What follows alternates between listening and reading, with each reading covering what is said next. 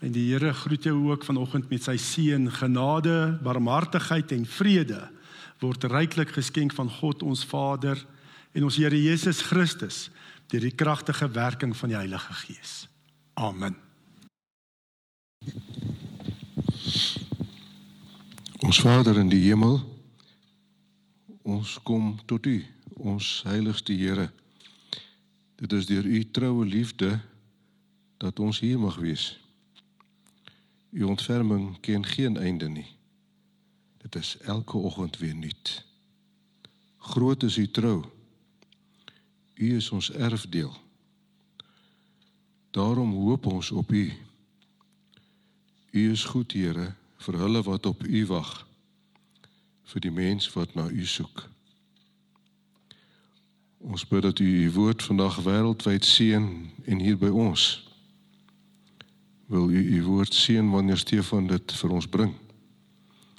Mag ons u teenwoordigheid en u liefde en heiligheid ervaar. Ons bid vir ons musiekbediening dat dit tot u eer en opbou van ons gemeente sal wees. Maak ons nuut. Skep nuwe lewe in blye harte en ook in bedroefde harte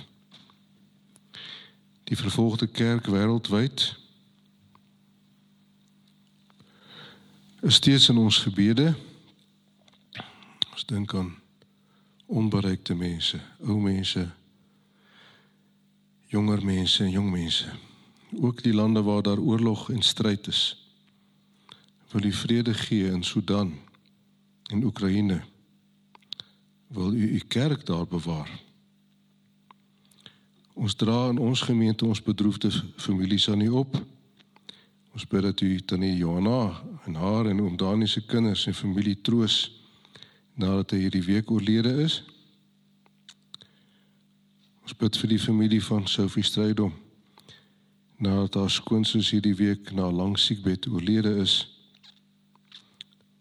Ons bid dat U hulle troos en dat hulle U liefde en nabyheid ervaar.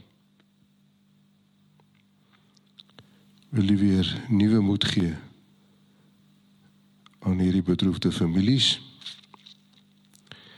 Ons dink aan Anet en Johan Miller en hulle familie met Johan wat in die hospitaal is. Ons is bly dat hy alweer beter lyk en voel. Ons bid dat U met hulle en hulle kinders en familie wil wees. Ons bid vir die familie van Willie van der Merwe ons bid dat Willie dat hy dat sy voet mag gestel nadat hy homself beseer het. Wil hy die genesing sien. Ons dink aan Anton van der Westhuizen wat binnekort 'n katarak operasie moet ondergaan dat hy hom rustig maak en moet gee. Ons is bly saam met Martiens en Annelie met hulle dogter Kara wat beter word. Ons dink aan Chantel se ma, Annie Nel, wat worstel met kanker. In die behandeling daarvan. Hulle is steeds in ons gebede. Ons weet dat u siektes wonderbaarlik genees. Wil u asseblief vir Hanlie bemoedig en haar weer heel maak. Ons is bly met ons lidmate wat die komende week verjaar. Met Angel Forster vandag en met Bert sorgdrager Johan Prinsloo en Sophie Stryd om hierdie week. Wil jy hulle seën in hulle werks en familiekringe en in die koninkryk. U weet van die diefstal wat plaasgevind het, die rekenaars wat gesteel is op 'n mens se huis. Ons weet dat u steeds voorsien en ons dink ook aan ons bediening, die bedieninge waarvoor hierdie goed nodig is. Here, ons bid dat U ons sonde vergewe.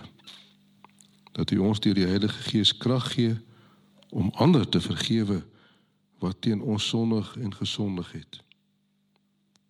En dat ons ons eie sondes en swakhede sal raak sien. Daarvan wegbly en dit in U krag oorwin. Hoor asseblief die gebede wat ons in stilte bid. U weet van al die behoeftes by onsself en ook in ons wye kring wat nie spesifiek genoem is nie. Ons weet dat ons op U kan vertrou want U is getrou. Ons bid vir almal wat U genesing, bevryding en nabyheid nodig het. Dankie Here dat U ons gebede verhoor. Ons bid al hierdie dinge in die naam van ons Here en ons verlosser, ons Here Jesus. Amen. Ons skriflesing Sagaria 3. Uh ons gaan fokus op die eerste 5 verse, maar ek gaan die hele hoofstuk lees. Die Here het my gesig laat sien. Ek het die hoofpriester Yeshua voor die engel van die Here sien staan en regs aan hom het die Satan gestaan besig om Yeshua aan te kla. Die Here het vir die Satan gesê: "Ek sal jou straf, Satan. Ek wat Jerusalem my woonplek gemaak het, sal jou straf. Hierdie man is soos 'n stuk hout wat uit die vuur gered is." Yeshua het klere aangetree wat liderlik bevuil was. Hy het daar voor die engel gestaan en die engel het vir sy helpers gesê: "Trek uit die liderlike vuil klere van hom." Vir Yeshua het hy gesê: "Ek het jou jou oortredings vergewe en ek gaan vir jou skoon klere aantrek." Of soos die 53 vertaling sê, feesklere. Toe sê ek: "Hulle moet 'n skoon skoon tulband op sy kop sit." Hulle het skool skoon tulband op sy kop gesit en hom aangetrek terwyl die engel van die Here daarby staan. Daarna die engel van die Here vir Yeshua beloof. So sê die Here die Almagtige: As jy lewe soos ek wil, as jy die voorskrifte van my diens onderhou, sal jy die gesag hê oor my huis, die verantwoordelikheid dra vir my heiligdom. Jy sal toegang tot my hê, net soos hierdie engele. Luister Yeshua, Hoëpriester, jy en jou vriende wat voor jou sit. Jou vriende is 'n teken van iets wat kom. Ek gaan my dienaar Lot nou bring.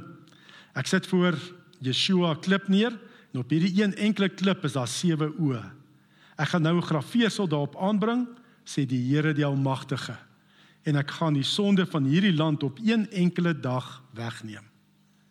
Daardie dag, sê die Here die Almagtige, sal die mense weer rustig oor en weer na mekaar roep onder die wingerdstokke en die vyebome. Ja, dit is dit is so belangrik dat die Here ons denke moet bepaal en nie ons omstandighede nie. Ek meen dit is my so duidelik met met met hierdie ehm um, beerdkrag wat ons ervaar, nê. As hy ligte afgaan dan uh, dan sak almal se gemoed. As die ligte weer aankom is almal se gemoed weer op. En dan 'n paar ure dan sak dit weer. En dan gaan dit weer op. En soos ons baie keer uitgelewer aan ons omstandighede. En die duiwel gebruik vir al ons omstandighede om 'n negatief om jou negatief te maak, jou moedeloos te maak, net die hoë brandstofpryse, die omstandighede in ons land, die politieke omstandighede in land, die leuns wat die politieke leiers oor en oor vertel ek weet mense kan amper nie eers meer nuus luister nie, word eintlik net so kwaad, nê. Maar dit is verkeerd. Ons moet toelaat dat die omstandighede my gemoed se toestand bepaal nie. Dit is belangrik om God se perspektief op jou lewe te kry. As ek God se perspektief op my lewe het, nee, dan kan hierdie ding maar heen en weer gaan. Psalm 1 sê mos ook nee, 'n uh, gelowige is geplant by waterstrome en jy bly vrugte dra want jy's in die stroom. Nee. Dan kan die dinge maar te kere gaan. Nee, omstandighede kan hoe lyk, maar jy sal bly staan en sal bly vrugte dra. Jy sal bly wees 'n agent van God vir hoop. Dit is belangrik om God se perspektief op ons lewens te kry. En nie dat die omstandighede my lewe moet bepaal nie. En Sagaria ontvang in agt visioene, ontvang hy God se perspektief op die omstandighede van die terugkerende ballinge daar in Jerusalem. Agt visioene. En ehm um, hierso sien ons nou die vierde visioen. Nee, waar hy God se perspektief gee op die volk wat nou teruggekeer het uit ballingskap en wat in Jerusalem aangekom het. En nou moet julle dit is so 520 voor Christus. Nou hierdie volk en ek het al 'n paar keer gewys nê, ons visie Jesaja 61, daai terugkerende ballinge, nê, wat het hulle ervaar daar in Jerusalem? Hulle was positief, baie bly. Koning Kores van Persië sê gaan terug, julle moet julle tempel vir die vir julle God gaan herbou. Hy gee selfs die tempel gereedskap, die goud en alles nê. Hulle is positief. Hulle gaan terug Jerusalem toe. Hulle kom daar positief Maar wat kry hulle? Slegte omstandighede, armoede. Alles is afgebreek. Die muur van die stad is afgebreek. Huise is afgebreek. Die tempel is afgebreek. Daar's nog vyandige volkere wat hulle gevestig het op die ruïnes van Jerusalem. Nou moet hulle nog nog hulle ook nog eers ontslaa raak.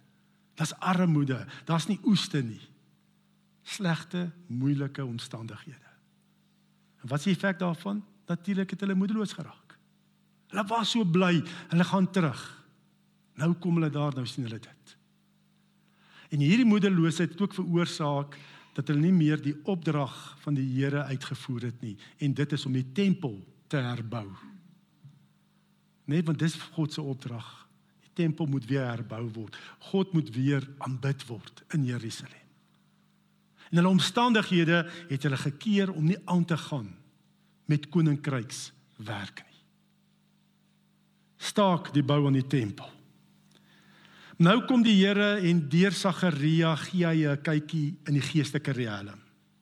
Wat sê God van hulle omstandighede daar? Wat sê die Here? En ehm um, sodat hulle kan hoop kry weer. Nee, hoe kyk God ook na my omstandighede, jou en my omstandighede, na ons omgewing? Dit is wat ons moet vra vir die Here, want ek kom ek sê vir jou as ons na ons omgewing kyk, begin ek baie dieselfde voel as hierdie ballinge wat ons hoor ook hoe subsidies aan maatskaplike werkers onttrek word en die omstandighede uh, in ons omgewing alles gaan agteruit. Ehm um, dit is so hartseer. Weet ek ek ry 'n pad ek ry toe ek altyd Linden toe gery hier oor die berg vir skool, weet om skool om die verkeer te mis. Ehm um, ek dink is Frederik Laan of so. Twee plekke waar daar gegrou is, iets reggemaak is, maar dit word nie weer opgevul nie twee plekke. Oral op pad hierso as ek hier ry van my huis af hierso net hier om die hoek hier is daar ook 'n gat wat nou al vir maande reggemaak iets maar word nie opgevul nie. Word nie reggemaak nie. Jy sien dit. Wat gebeur as sulke dinge gebeur? Ek het al gesien as hierso iemand hierso vulle stort op hierdie oop terrein. Nie lank nie kom maar nog vulles by. Net dis hoe dit werk. Vulle steel aan. Agteruitgang teel aan. Jy moet dit teestaan. En ek ek het baie keer ek so kyk na omstandighede dan praat ek nie eers nog in omgewings nog langs ons in so. Mens raak bekommerd as jy sien dinge gaan agteruit want dit is besig om dit word net groter baie keer. Maar daarom moet ons as gemeente God se perspektief kry op jou lewe persoonlik en ook op ons omstandighede. Op ons gemeenskap se omstandighede. Wat is God se roeping vir ons gemeente? En ons kry hier dan ook nou God se visie. Nee, God se plan op die terugkerende ballinge. En die wonderlike is ons sien die Here sit Satan op sy plek. Agteruitgang, afbreek, daai tipe goeters, nê. Nee. Moet jy weet dis die werk van die bose. Waar gebeur gewoonlik die onheilighede by skool, by 'n skool? Daar agter die ou saal waar die vullis dromme staan. Ek het al een keer moes ons bereids ek 'n middeltjie ry om daar te gaan help want daar was manifestasies nê en kinders het daar agter daar onder die gat het hulle hierdie speletjies okkultiese speletjies gespeel. Hoekom het dit al daar? Waarop nê God wil lewe bring, hy wil dinge verander. En hy sit Satan op sy plek. Lees ons hier in hierdie skrifgedeelte. Ehm um, ja, nou sien Satan, wat is sy groot werk om af te breek en aan te kla. Dis sy groot werk. Net vers 1 staan daar Die Here het my gesig laat sien ek het die hoofpriester Yeshua voor die engel van Here sien staan en regs van hom het Satan gestaan besig om Yeshua aan te kla. Hy wil net aankla en wys op die foute. Dis al wat hy doen. Dis sy groot werk om aan te kla. En uh, dit is interessant dat die woord Satan en die Hebreëse woord vir aankla het dieselfde stam. Die Hebreëse woord vir Satan en die Hebreëse woord vir aankla dieselfde stam. Dit is maar sy werk. Aankla. Aanklagte. En ons lees dit ook in die Nuwe Testament, nê? In Openbaring 12 lees ons ook die aanklaer van ons medegelowiges Hy wat hulle dag en nag voor ons voor ons God aangekla het. Ek weet nie of jy al 'n aangeklaagde was nie. Maar wat is die effek wanneer jy 'n aangeklaagde is? Moedeloosheid. Dit is soos 'n donker wolk bo jou kop. Jy raak net nie daarvan ontslaan nie. Dit volg jou waar jy gaan. As jy aangekla word.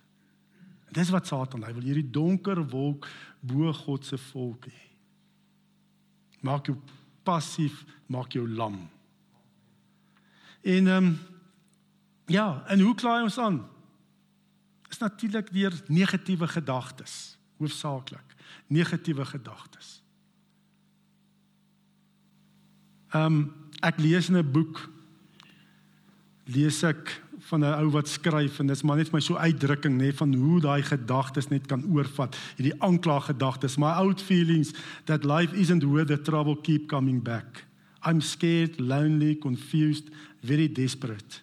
I know deep down that god can overcome this but i can't get past this block. Can't even pray. When i try things get in my way.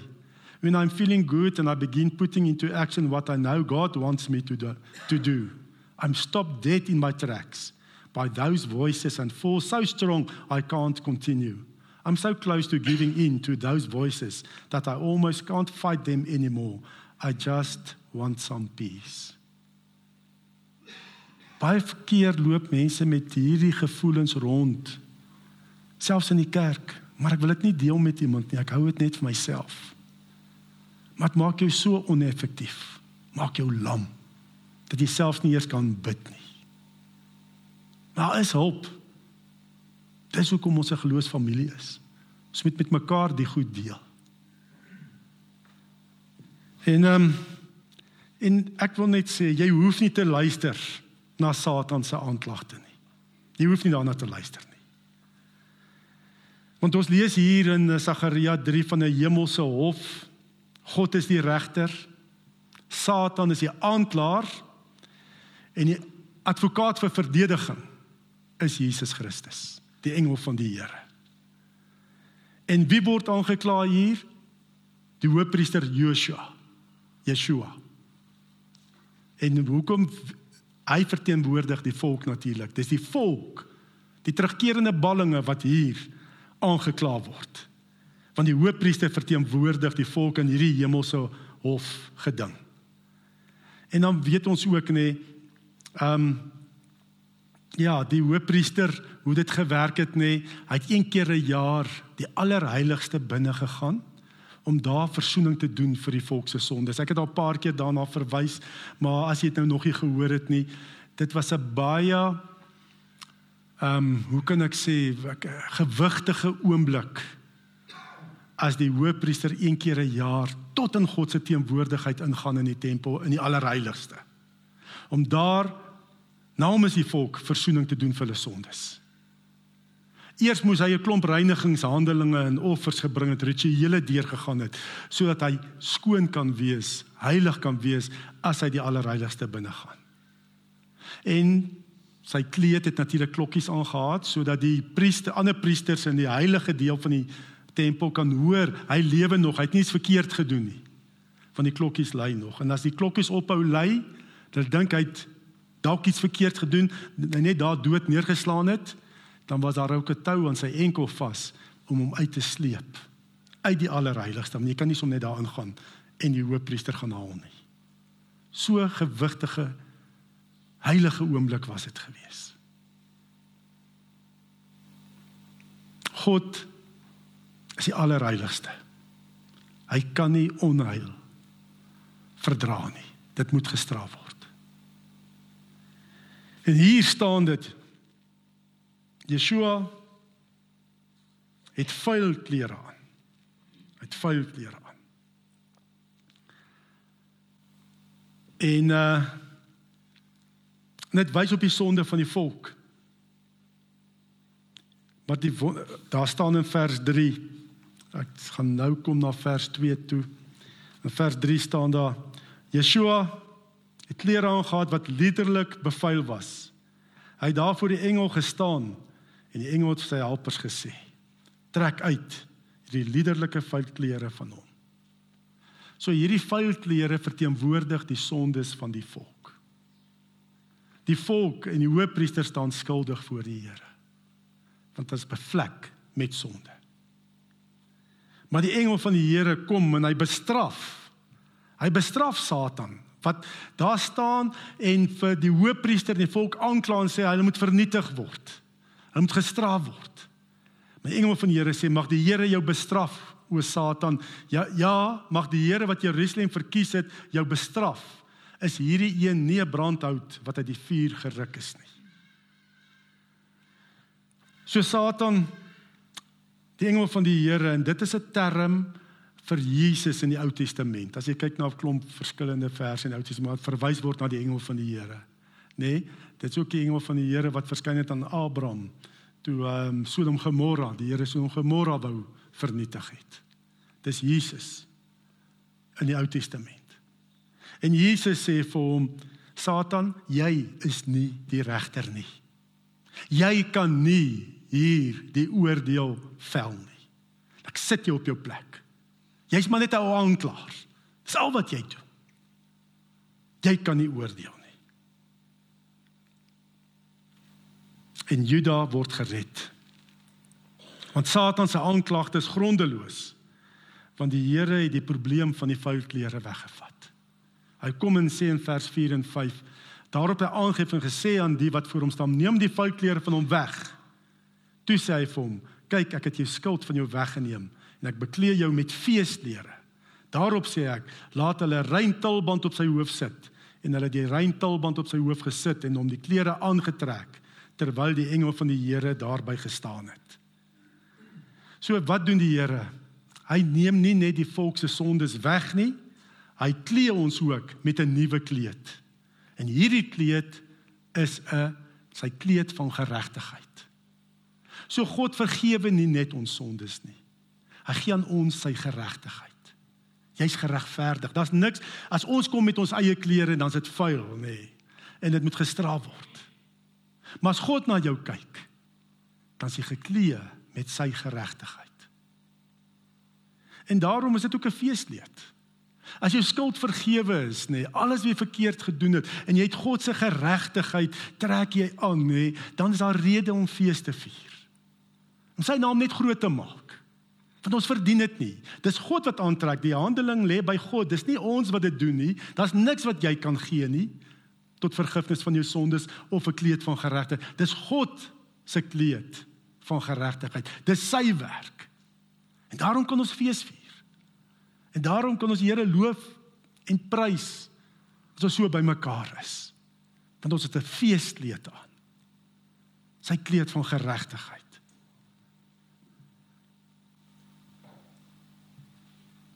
God klee ons met sy geregtigheid in reaksie op ons geloof in hom.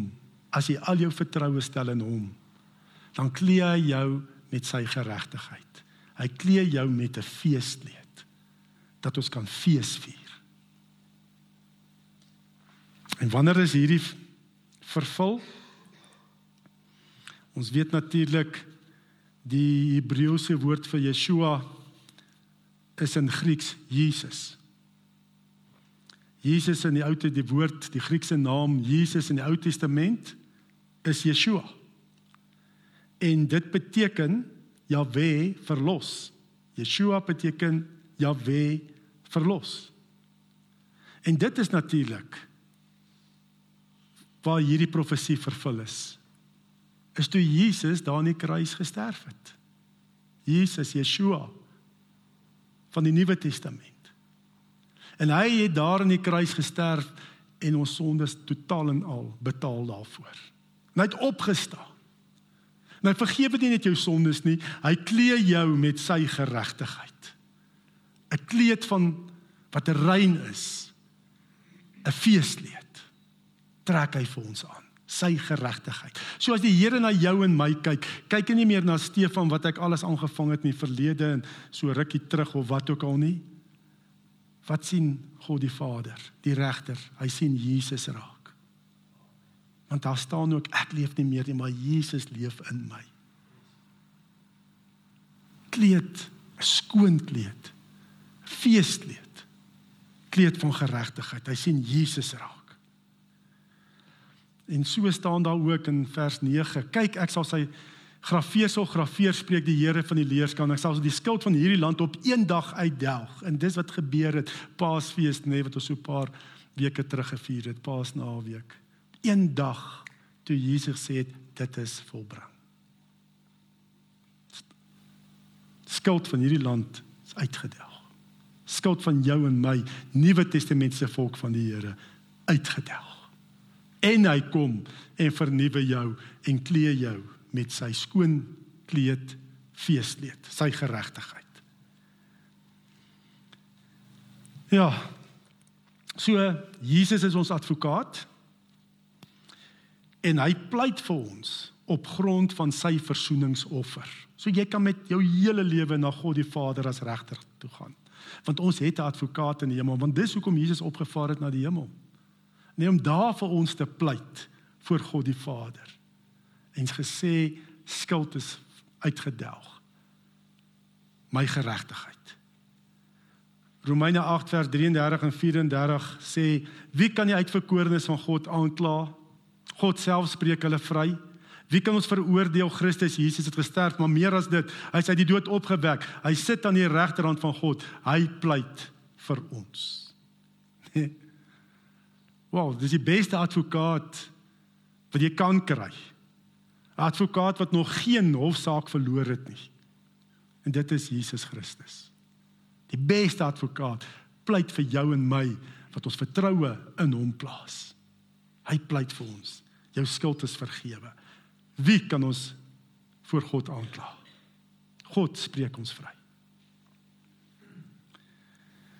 En dan eintlik nog verder, nê. Nee, Hierso in die Ou Testament was Satan nog daar in die hemel, hy daar in die hemel gekom om die volk aan te kla en vir God die Vader te wys, maar kyk wat jou volk alles aangevang. Kyk daai afgoderry, kyk wat doen hulle. Kyk hoe sorg hulle vir die armes, hulle kom nie jou wet na nie en al die dinge nie. Dit was die Ou Testament. Maar in die Nuwe Testament is die situasie nog beter vir ons. Ons lees in Openbaring 12 vers 9 en 10. Want die groot draak, die slang van ouds wat die duiwel en die satan genoem word en wat die hele wêreld verlei, is uit die hemel uitgegooi. Hy's op die aarde gegooi en sy engele saam met hom. Toe het ek 'n stem in die hemel gehoor wat hard uitgeroep het: "Nou het ons God die redding gebring, nou sy mag en koningskap hier en die gesag van sy gesalfde. Die aanklaer van ons medegelowiges is uit die hemel uitgegooi, hy wat hulle dag en nag voor ons God aankla." Omdat Christus op een dag het daai het is die skuld vergewe net van die land en van die volk nê. Omdat Jesus klaar gesterf het en opgestaan het nê, het Satan geen reg meer om die hemel te kom om aan te kla nie. Want dit is betaal. Dis klaar. Die hofsaak is afgehandel. Jou skuld is vergewe. Jy het Christus se geregtigheid. Nee, as jy glo natuurlik in hom. Daar geen aanklagte. En Jesus sê ook in Lukas 10 vir die 72 disippels wat uitgestuur het, ek die Satan soos 'n weerligstraal uit die hemel sien val. Wow. Nee, hy's uitgegooi. Jy kan sê Michael en die ander engele soos bouncers, nê, nee, om daai die hemel uitgeskop. Sê jy het geen plek meer hierson nie. Jy mag nie meer hier kom nie. Die hemelse hofsale jy's verbied. Jy het geen reg meer nie, want dit is betaal dis volbring. Dis klaar. Dit wat Stefan gister gedoen het of sommer net nou gedoen het. Dis bedek, dis betaal, dis skoon gewas. Skoon kleed. Feeskleed. Maar dan moet jy glo in Jesus. As jy nie glo in hom nie, kan mens maar aangekla voel dan is dit reg as jy aangekla is. Satan is nou uit die hemel gegooi. Teken nie hy is nou verslaan en klaar en is hy het geen invloed meer nie. Hy bly die aanklaer van die medegelowiges. En waar kla hy ons aan? Hy kan ons nie in die hemel aankla nie, maar waar kla hy vir jou en my aan? Waar kla hy ons aan? Hier, my denke. Hy kla ons nou aan in ons denke. Hy gaan voort met daai aanklag werk. En as jy val vir sy aanklagte net, dan gaan jy lam word. Jy gaan met 'n donker wolk bo jou kop loop. Jy gaan moedeloos wees, jy gaan passief wees. In die koninkryk, jy gaan nie effektief wees nie. En hy kom veral met gedagtes nê soos ek is waardeloos. Ek is nie goed genoeg nie. Um en ek moet eintlik net gestraf word veroordeling. Veral die twee gedagtes waardeloos en veroordeling. Kom hy, hy kla jou in jou gedagtes aan. En ehm um, as jy na sy aanklagte luister en dit glo en ek ek moet vir jou sê hy rig hom veral op gelowiges, op Christene. Want hy wil nie hê ons moet effektief wees hier op aarde nie. Hy wil nie hê ons moet God se koninkryk bou nie. Jy moet passief en lam wees. En hy kom heeltyd en sê waardeloos. Jy moet gestraf word. En as jy sy aanklagte luister en dit glo, dan sal jy ook begin om hierdie aanklagte uit te leef asof dit 'n vonnis is wat jy moet uitdien. Nee, as jy val vir sy aanklagte nê, dan gaan jy dit ook leef. En jy gaan dink dit is maar wie ek is. Dis 'n vonnis. Dit is nou maar net ek is nou maar net 'n loser. Waardeloos. Ek moet maar net gestraf word. En as iets slegs gebeur dan sê ja, dit is mos reg. Ek is nie goed genoeg nie. Ek moet gestraf word. En dit bevestig net eintlik daai aanklagte van hom in jou denke. Ja, 'n diepe algemene gesindheid van minderwaardigheid kry mens by so baie Christene. Minderwaardig, ek is onbelangrik, nie goed genoeg nie, ek is nie gekwalifiseerd nie. Ek het dit maar net nie. En dit verlam ons getuienis en effektiwiteit. Maar wat sê die Here? Hy sê ons is soos Hy sê ons is soos 'n uh, ons is gered uit die vuur van veroordeling. Né? Nee? Soos hy sê ook hier Yeshua. Ehm um,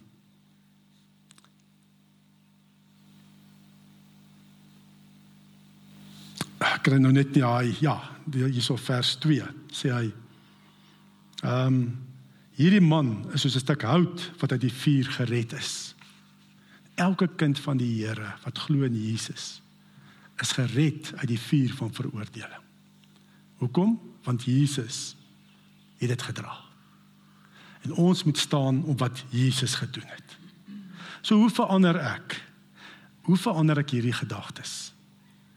En ek wil net nog 'n strategie van die Satan gee. Nee, hy's soos 'n bokser. Jy weet mos 'n bokser hoe werk dit? Is mos so twee houe met die linkerhand en dan kom jy regtervuis, nê. Nee. Jab jab uppercut. En die duiwel werk ook eintlik so met ons met sy aanklagte. So jab jab uppercut. Hy kom so en hy versoek jou. Hou aan versoek. Jab jab jab jab. Nee. Man, jy kan dit ook doen. Niemand gaan daarvan weet nie. Jy loos uit as jy dit nie doen nie. Jy jy verdien dit om so 'n bietjie weg te breek van realiteit. Wie gaan daarvan weet? Almal doen dit tog. So kom hy en hy versoek jou sodra jy geval het vir daai versoeking. Jy doen weer dat wat jy nie moes gedoen het nie. Wat dan kom hy met sy uppercut. En sê vir jou is jy ooit 'n kind van die Here? Hoe kan 'n kind van God dit doen? Dink jy die Here sal jou aanvaar? Dis hoekom ander Christene meer geseënd is as jy, want kyk na jou lewe, hoe het jy weer geval? En dis hoe hy heeltyd kom. Versoek, versoek, versoek. As jy toegegee het, dan verander sy rol. Hy kom hier sê dis lekker. Doen dit maar net. Niemand sal daarvan weet nie. En sodra jy geval het, dan veroordeling. Jy kan nie 'n kind van die Here wees nie. God sal jou nie aanvaar nie. Jou geloofsfamilie sou nie aanvaar as hulle weet wie jy werklik is nie. En dan kom jy veroordeling. Maar wat moet ons doen? Hoe verander jy daai emosies en jy kom agter nê wat gebruik Satan veral. Hy kla ons aan en hy gebruik veral ons emosies. Net dit is sy strategie, daai emosie van minderwaardigheid, veroordeling, nie goed genoeg nie. Moenie lewe volgens jou emosies nie. En jy moet mooi kyk ook as jy baie keer sê mense mos hulle die oggend uit die bed uit opstaan, ek staan met verkeerde voet uit die bed uit op, nê? Nee? Dit is nie jou letterlike verkeerde voet nie, dit is baie keer emosies, negatiewe emosies wat oor jou kom. En dan moet jy weet wie werk hierso. Dis Satan. Hy gebruik veral ons emosies. En dan is dit belangrik dat jy beheer vat oor daai emosies. En hoe verander ek emosie? Wanneer ek my gedagtes verander. As jy die regte ding dink, gaan jy ook die regte ding voel. Dit is hoe dit werk. So wat moet jy doen? Verkeerde voete bed uit. Here, wat gaan hier aan? Hoekom voel ek so af? Hoekom voel ek so veroordeel? Hoekom voel ek nie goed genoeg nie? Wat wat is die kern? En dan is dit nodig om jou gedagtes te verander met God se woord. En te staan op God se woord wat die Here sê in sy woord, soos byvoorbeeld Filippense 4 vers 13. Ek is tot alles in staat deur hom wat vir my die krag gee. En ek is God se uitverkore kind. Ek's 'n koninklike priesterdom wat ons laas Sondag op gefokus het. Die Here het 'n plan en doel met my lewe. Net staan op die woord. Sit lofprysing musiek op, soos nou vanoggend toe ek ons Here geloof en prys het. Dat jy jou gedagtes kan verander sodat daai emosies, daai donker wolk kan wyk en God se lig in Jesus oor jou kan skyn. So belangrik te staan op die waarheid. Wat dink ek? Ek het um die afgelope tyd ook ekonomies gaan dit swaar nê nee, en ek, ek hoef nie veel die prentjie te skilder nie nê. Nee. Kyk maar net um hoe winkels toemaak. Jy weet met die beerdkrag is daai ekstra brandstofuitgawes is baie selfs net op 'n huisgesin nê. Nee. As jy 'n generator het om die generator te hardloop is baie geld. Um tyd van nee en en jy mens word maklik negatief. En ek het ook dan dink ek ook Here, ek weet Bergbron, ons ryk uit. Ek is oortuig daarvan ons doen ons roeping hier. Ons is in die gemeenskap. Nee, ek kan 'n klomp voorbeelde noem. Nee, as jy afkondigings lees. Oral is ons betrokke by die skole en die gemeenskap. Ons is selfs ook met 'n uh, oorwinnaarsbediening in ander provinsies betrokke. Ons is besig om die koninkryk te bou. Ons ons is gehoorsaam in ons roeping. Maar Here, ons is 'n klein gemeente. Hier's nie oorvloed fondse nie. Gaan ons kan voortbestaan. En maklik, net dan word ek ook maar moedeloos en wonder, Here, hoe lyk dit? Gaan ons kan voortbestaan? Maar wys vir ons u waarheid. Ons wil net u gehoorsaam wees. En eh, hier Saterdag is ek nog daar dis om koffie te drink saam met Elise Marie en Ariadne en so.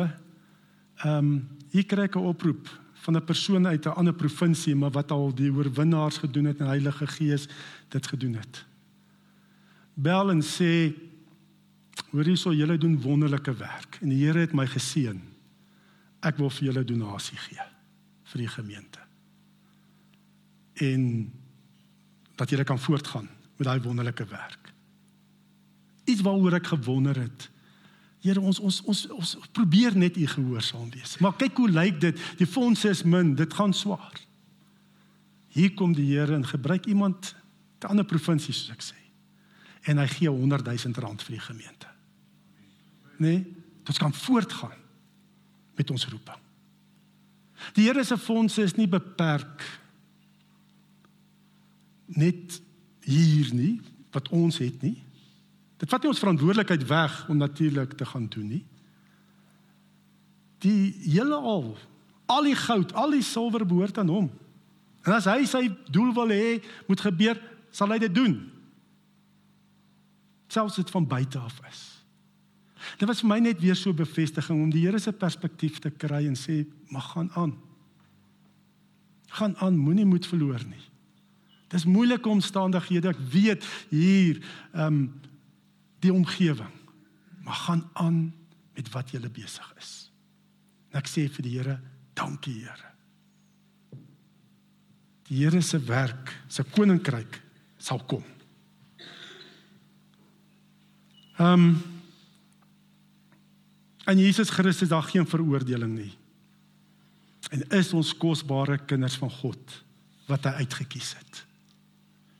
So moet ook nie kyk na jou omstandighede nie. Moenie dink ag ek het nie so baie talente soos ander mense nie. Ek het nie so 'n hoë pos um in die samelewing hoë aansien soos ander nie. Die Here kan my nie gebruik nie, dis 'n leuen. Dis 'n leuen van Satan. As hy besig om jou te mislei. Um ek staan ook so verbaas. Julle weet almal of het seker al gehoor van uh, Gerko van Deventer wat nou amper 6 jaar, nee, 'n gevangene is. Hy's daar deur Al-Qaeda weggevoer en so. Nou hy was saam met my nie weermag gewees. Ek het uh, ek het hom opleiding gegee, die die gevegsopleiding, infantry opleiding. As 'n opsmedic het ek vir hom gegee en ek het net nog saam 'n kursus ook gedoen by Kolot Opteg 1 en ek het nog so lekker hom gebruik om opteg is om om instruksie hoe om instruksie te gee nê. Nee. Ek het hom gebruik want hy was saam met my van dieselfde eenheid om om my les te boost en so en hy het mooi saamgewerk. Maar wat so baie van daai ouens wat so daai tyd staande mag was, later toe hulle almal na hierdie sekuriteits firmas toe wat daar in die Midde-Ooste gewerk het en so. En hy was ook een van hulle wat so gegaan het. En soos hy gevange geneem en is nou seker omtrent 6 jaar wat hy nou nog in gevangenskap is. En op ons um WhatsApp groep van ons eenheid van die weermag, die veterane, is daar toe een ou wat opstaan, 'n Engelse ou. Wat sê hy dink al lank hieroor? Kom ons maak 'n WhatsApp groep vir almal wat glo in Christus om vir Gerko te bid dat hy sal huis toe kom. En ek het ook toe daarbey aangesluit en so 'n paar ander ouens ook, tyd van hulle is in Australië en Engeland en ook hier in Suid-Afrika. En Saterdagoggend het ons ons eerste ehm um, Zoom gebedsgeleentheid gehad waar ons vir Gerko gebid het. En ek het so verbaas gestaan. Die ouens wat daar, daai autoriteit in Christus. Dit was nie die staflede, die senior offisier of so wat deel was van daai groep nie. As ek terugdink aan daai ouens was smaak die meer junior ouens. Maar daai geloofsgroei, daai gebed, daai autoriteit in Christus was my so geseënd geweest. En watter kragtiger instrument is daar om te bid? Want selfs Gerko waar hy deur moslems aangehou is, nê, die Here is daar. Die Here kan alles net so draai. Soos wat hy vir Kores gebruik het. En lyk like nou gift of the givers is nou betrokke daar. Maar soos wat die Here ook vir Kores gebruik het om sy volk terug te stuur. En dit bid ons. Al wat ek net sê is moenie dink die Here kan jou nie gebruik nie. As jy dit dink, dan val jy vir hierdie aanklaer van die medegelowiges wat geen grond het om jou meer aan te val om jou meer aan te kla nie. Kom ons staan op wat is die waarheid vir ons in Christus. Kry God se perspektief op jou lewe. Dat hy jou kan gebruik. Kom ons bid daarvoor. Here, dankie dat U, Here Jesus, vir Satan op sy plek gesit het. Hy is nie die aanklaer.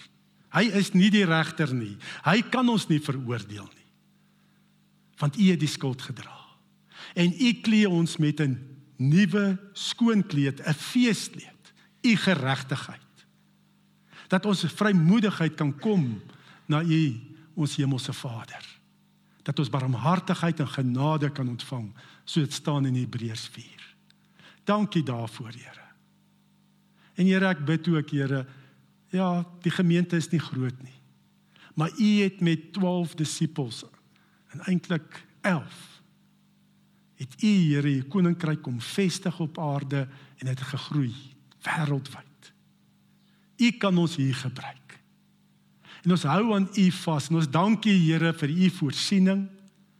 Dankie Here dat u sê ons moet aangaan met ons roeping en dat ons nie sal terugstaan nie.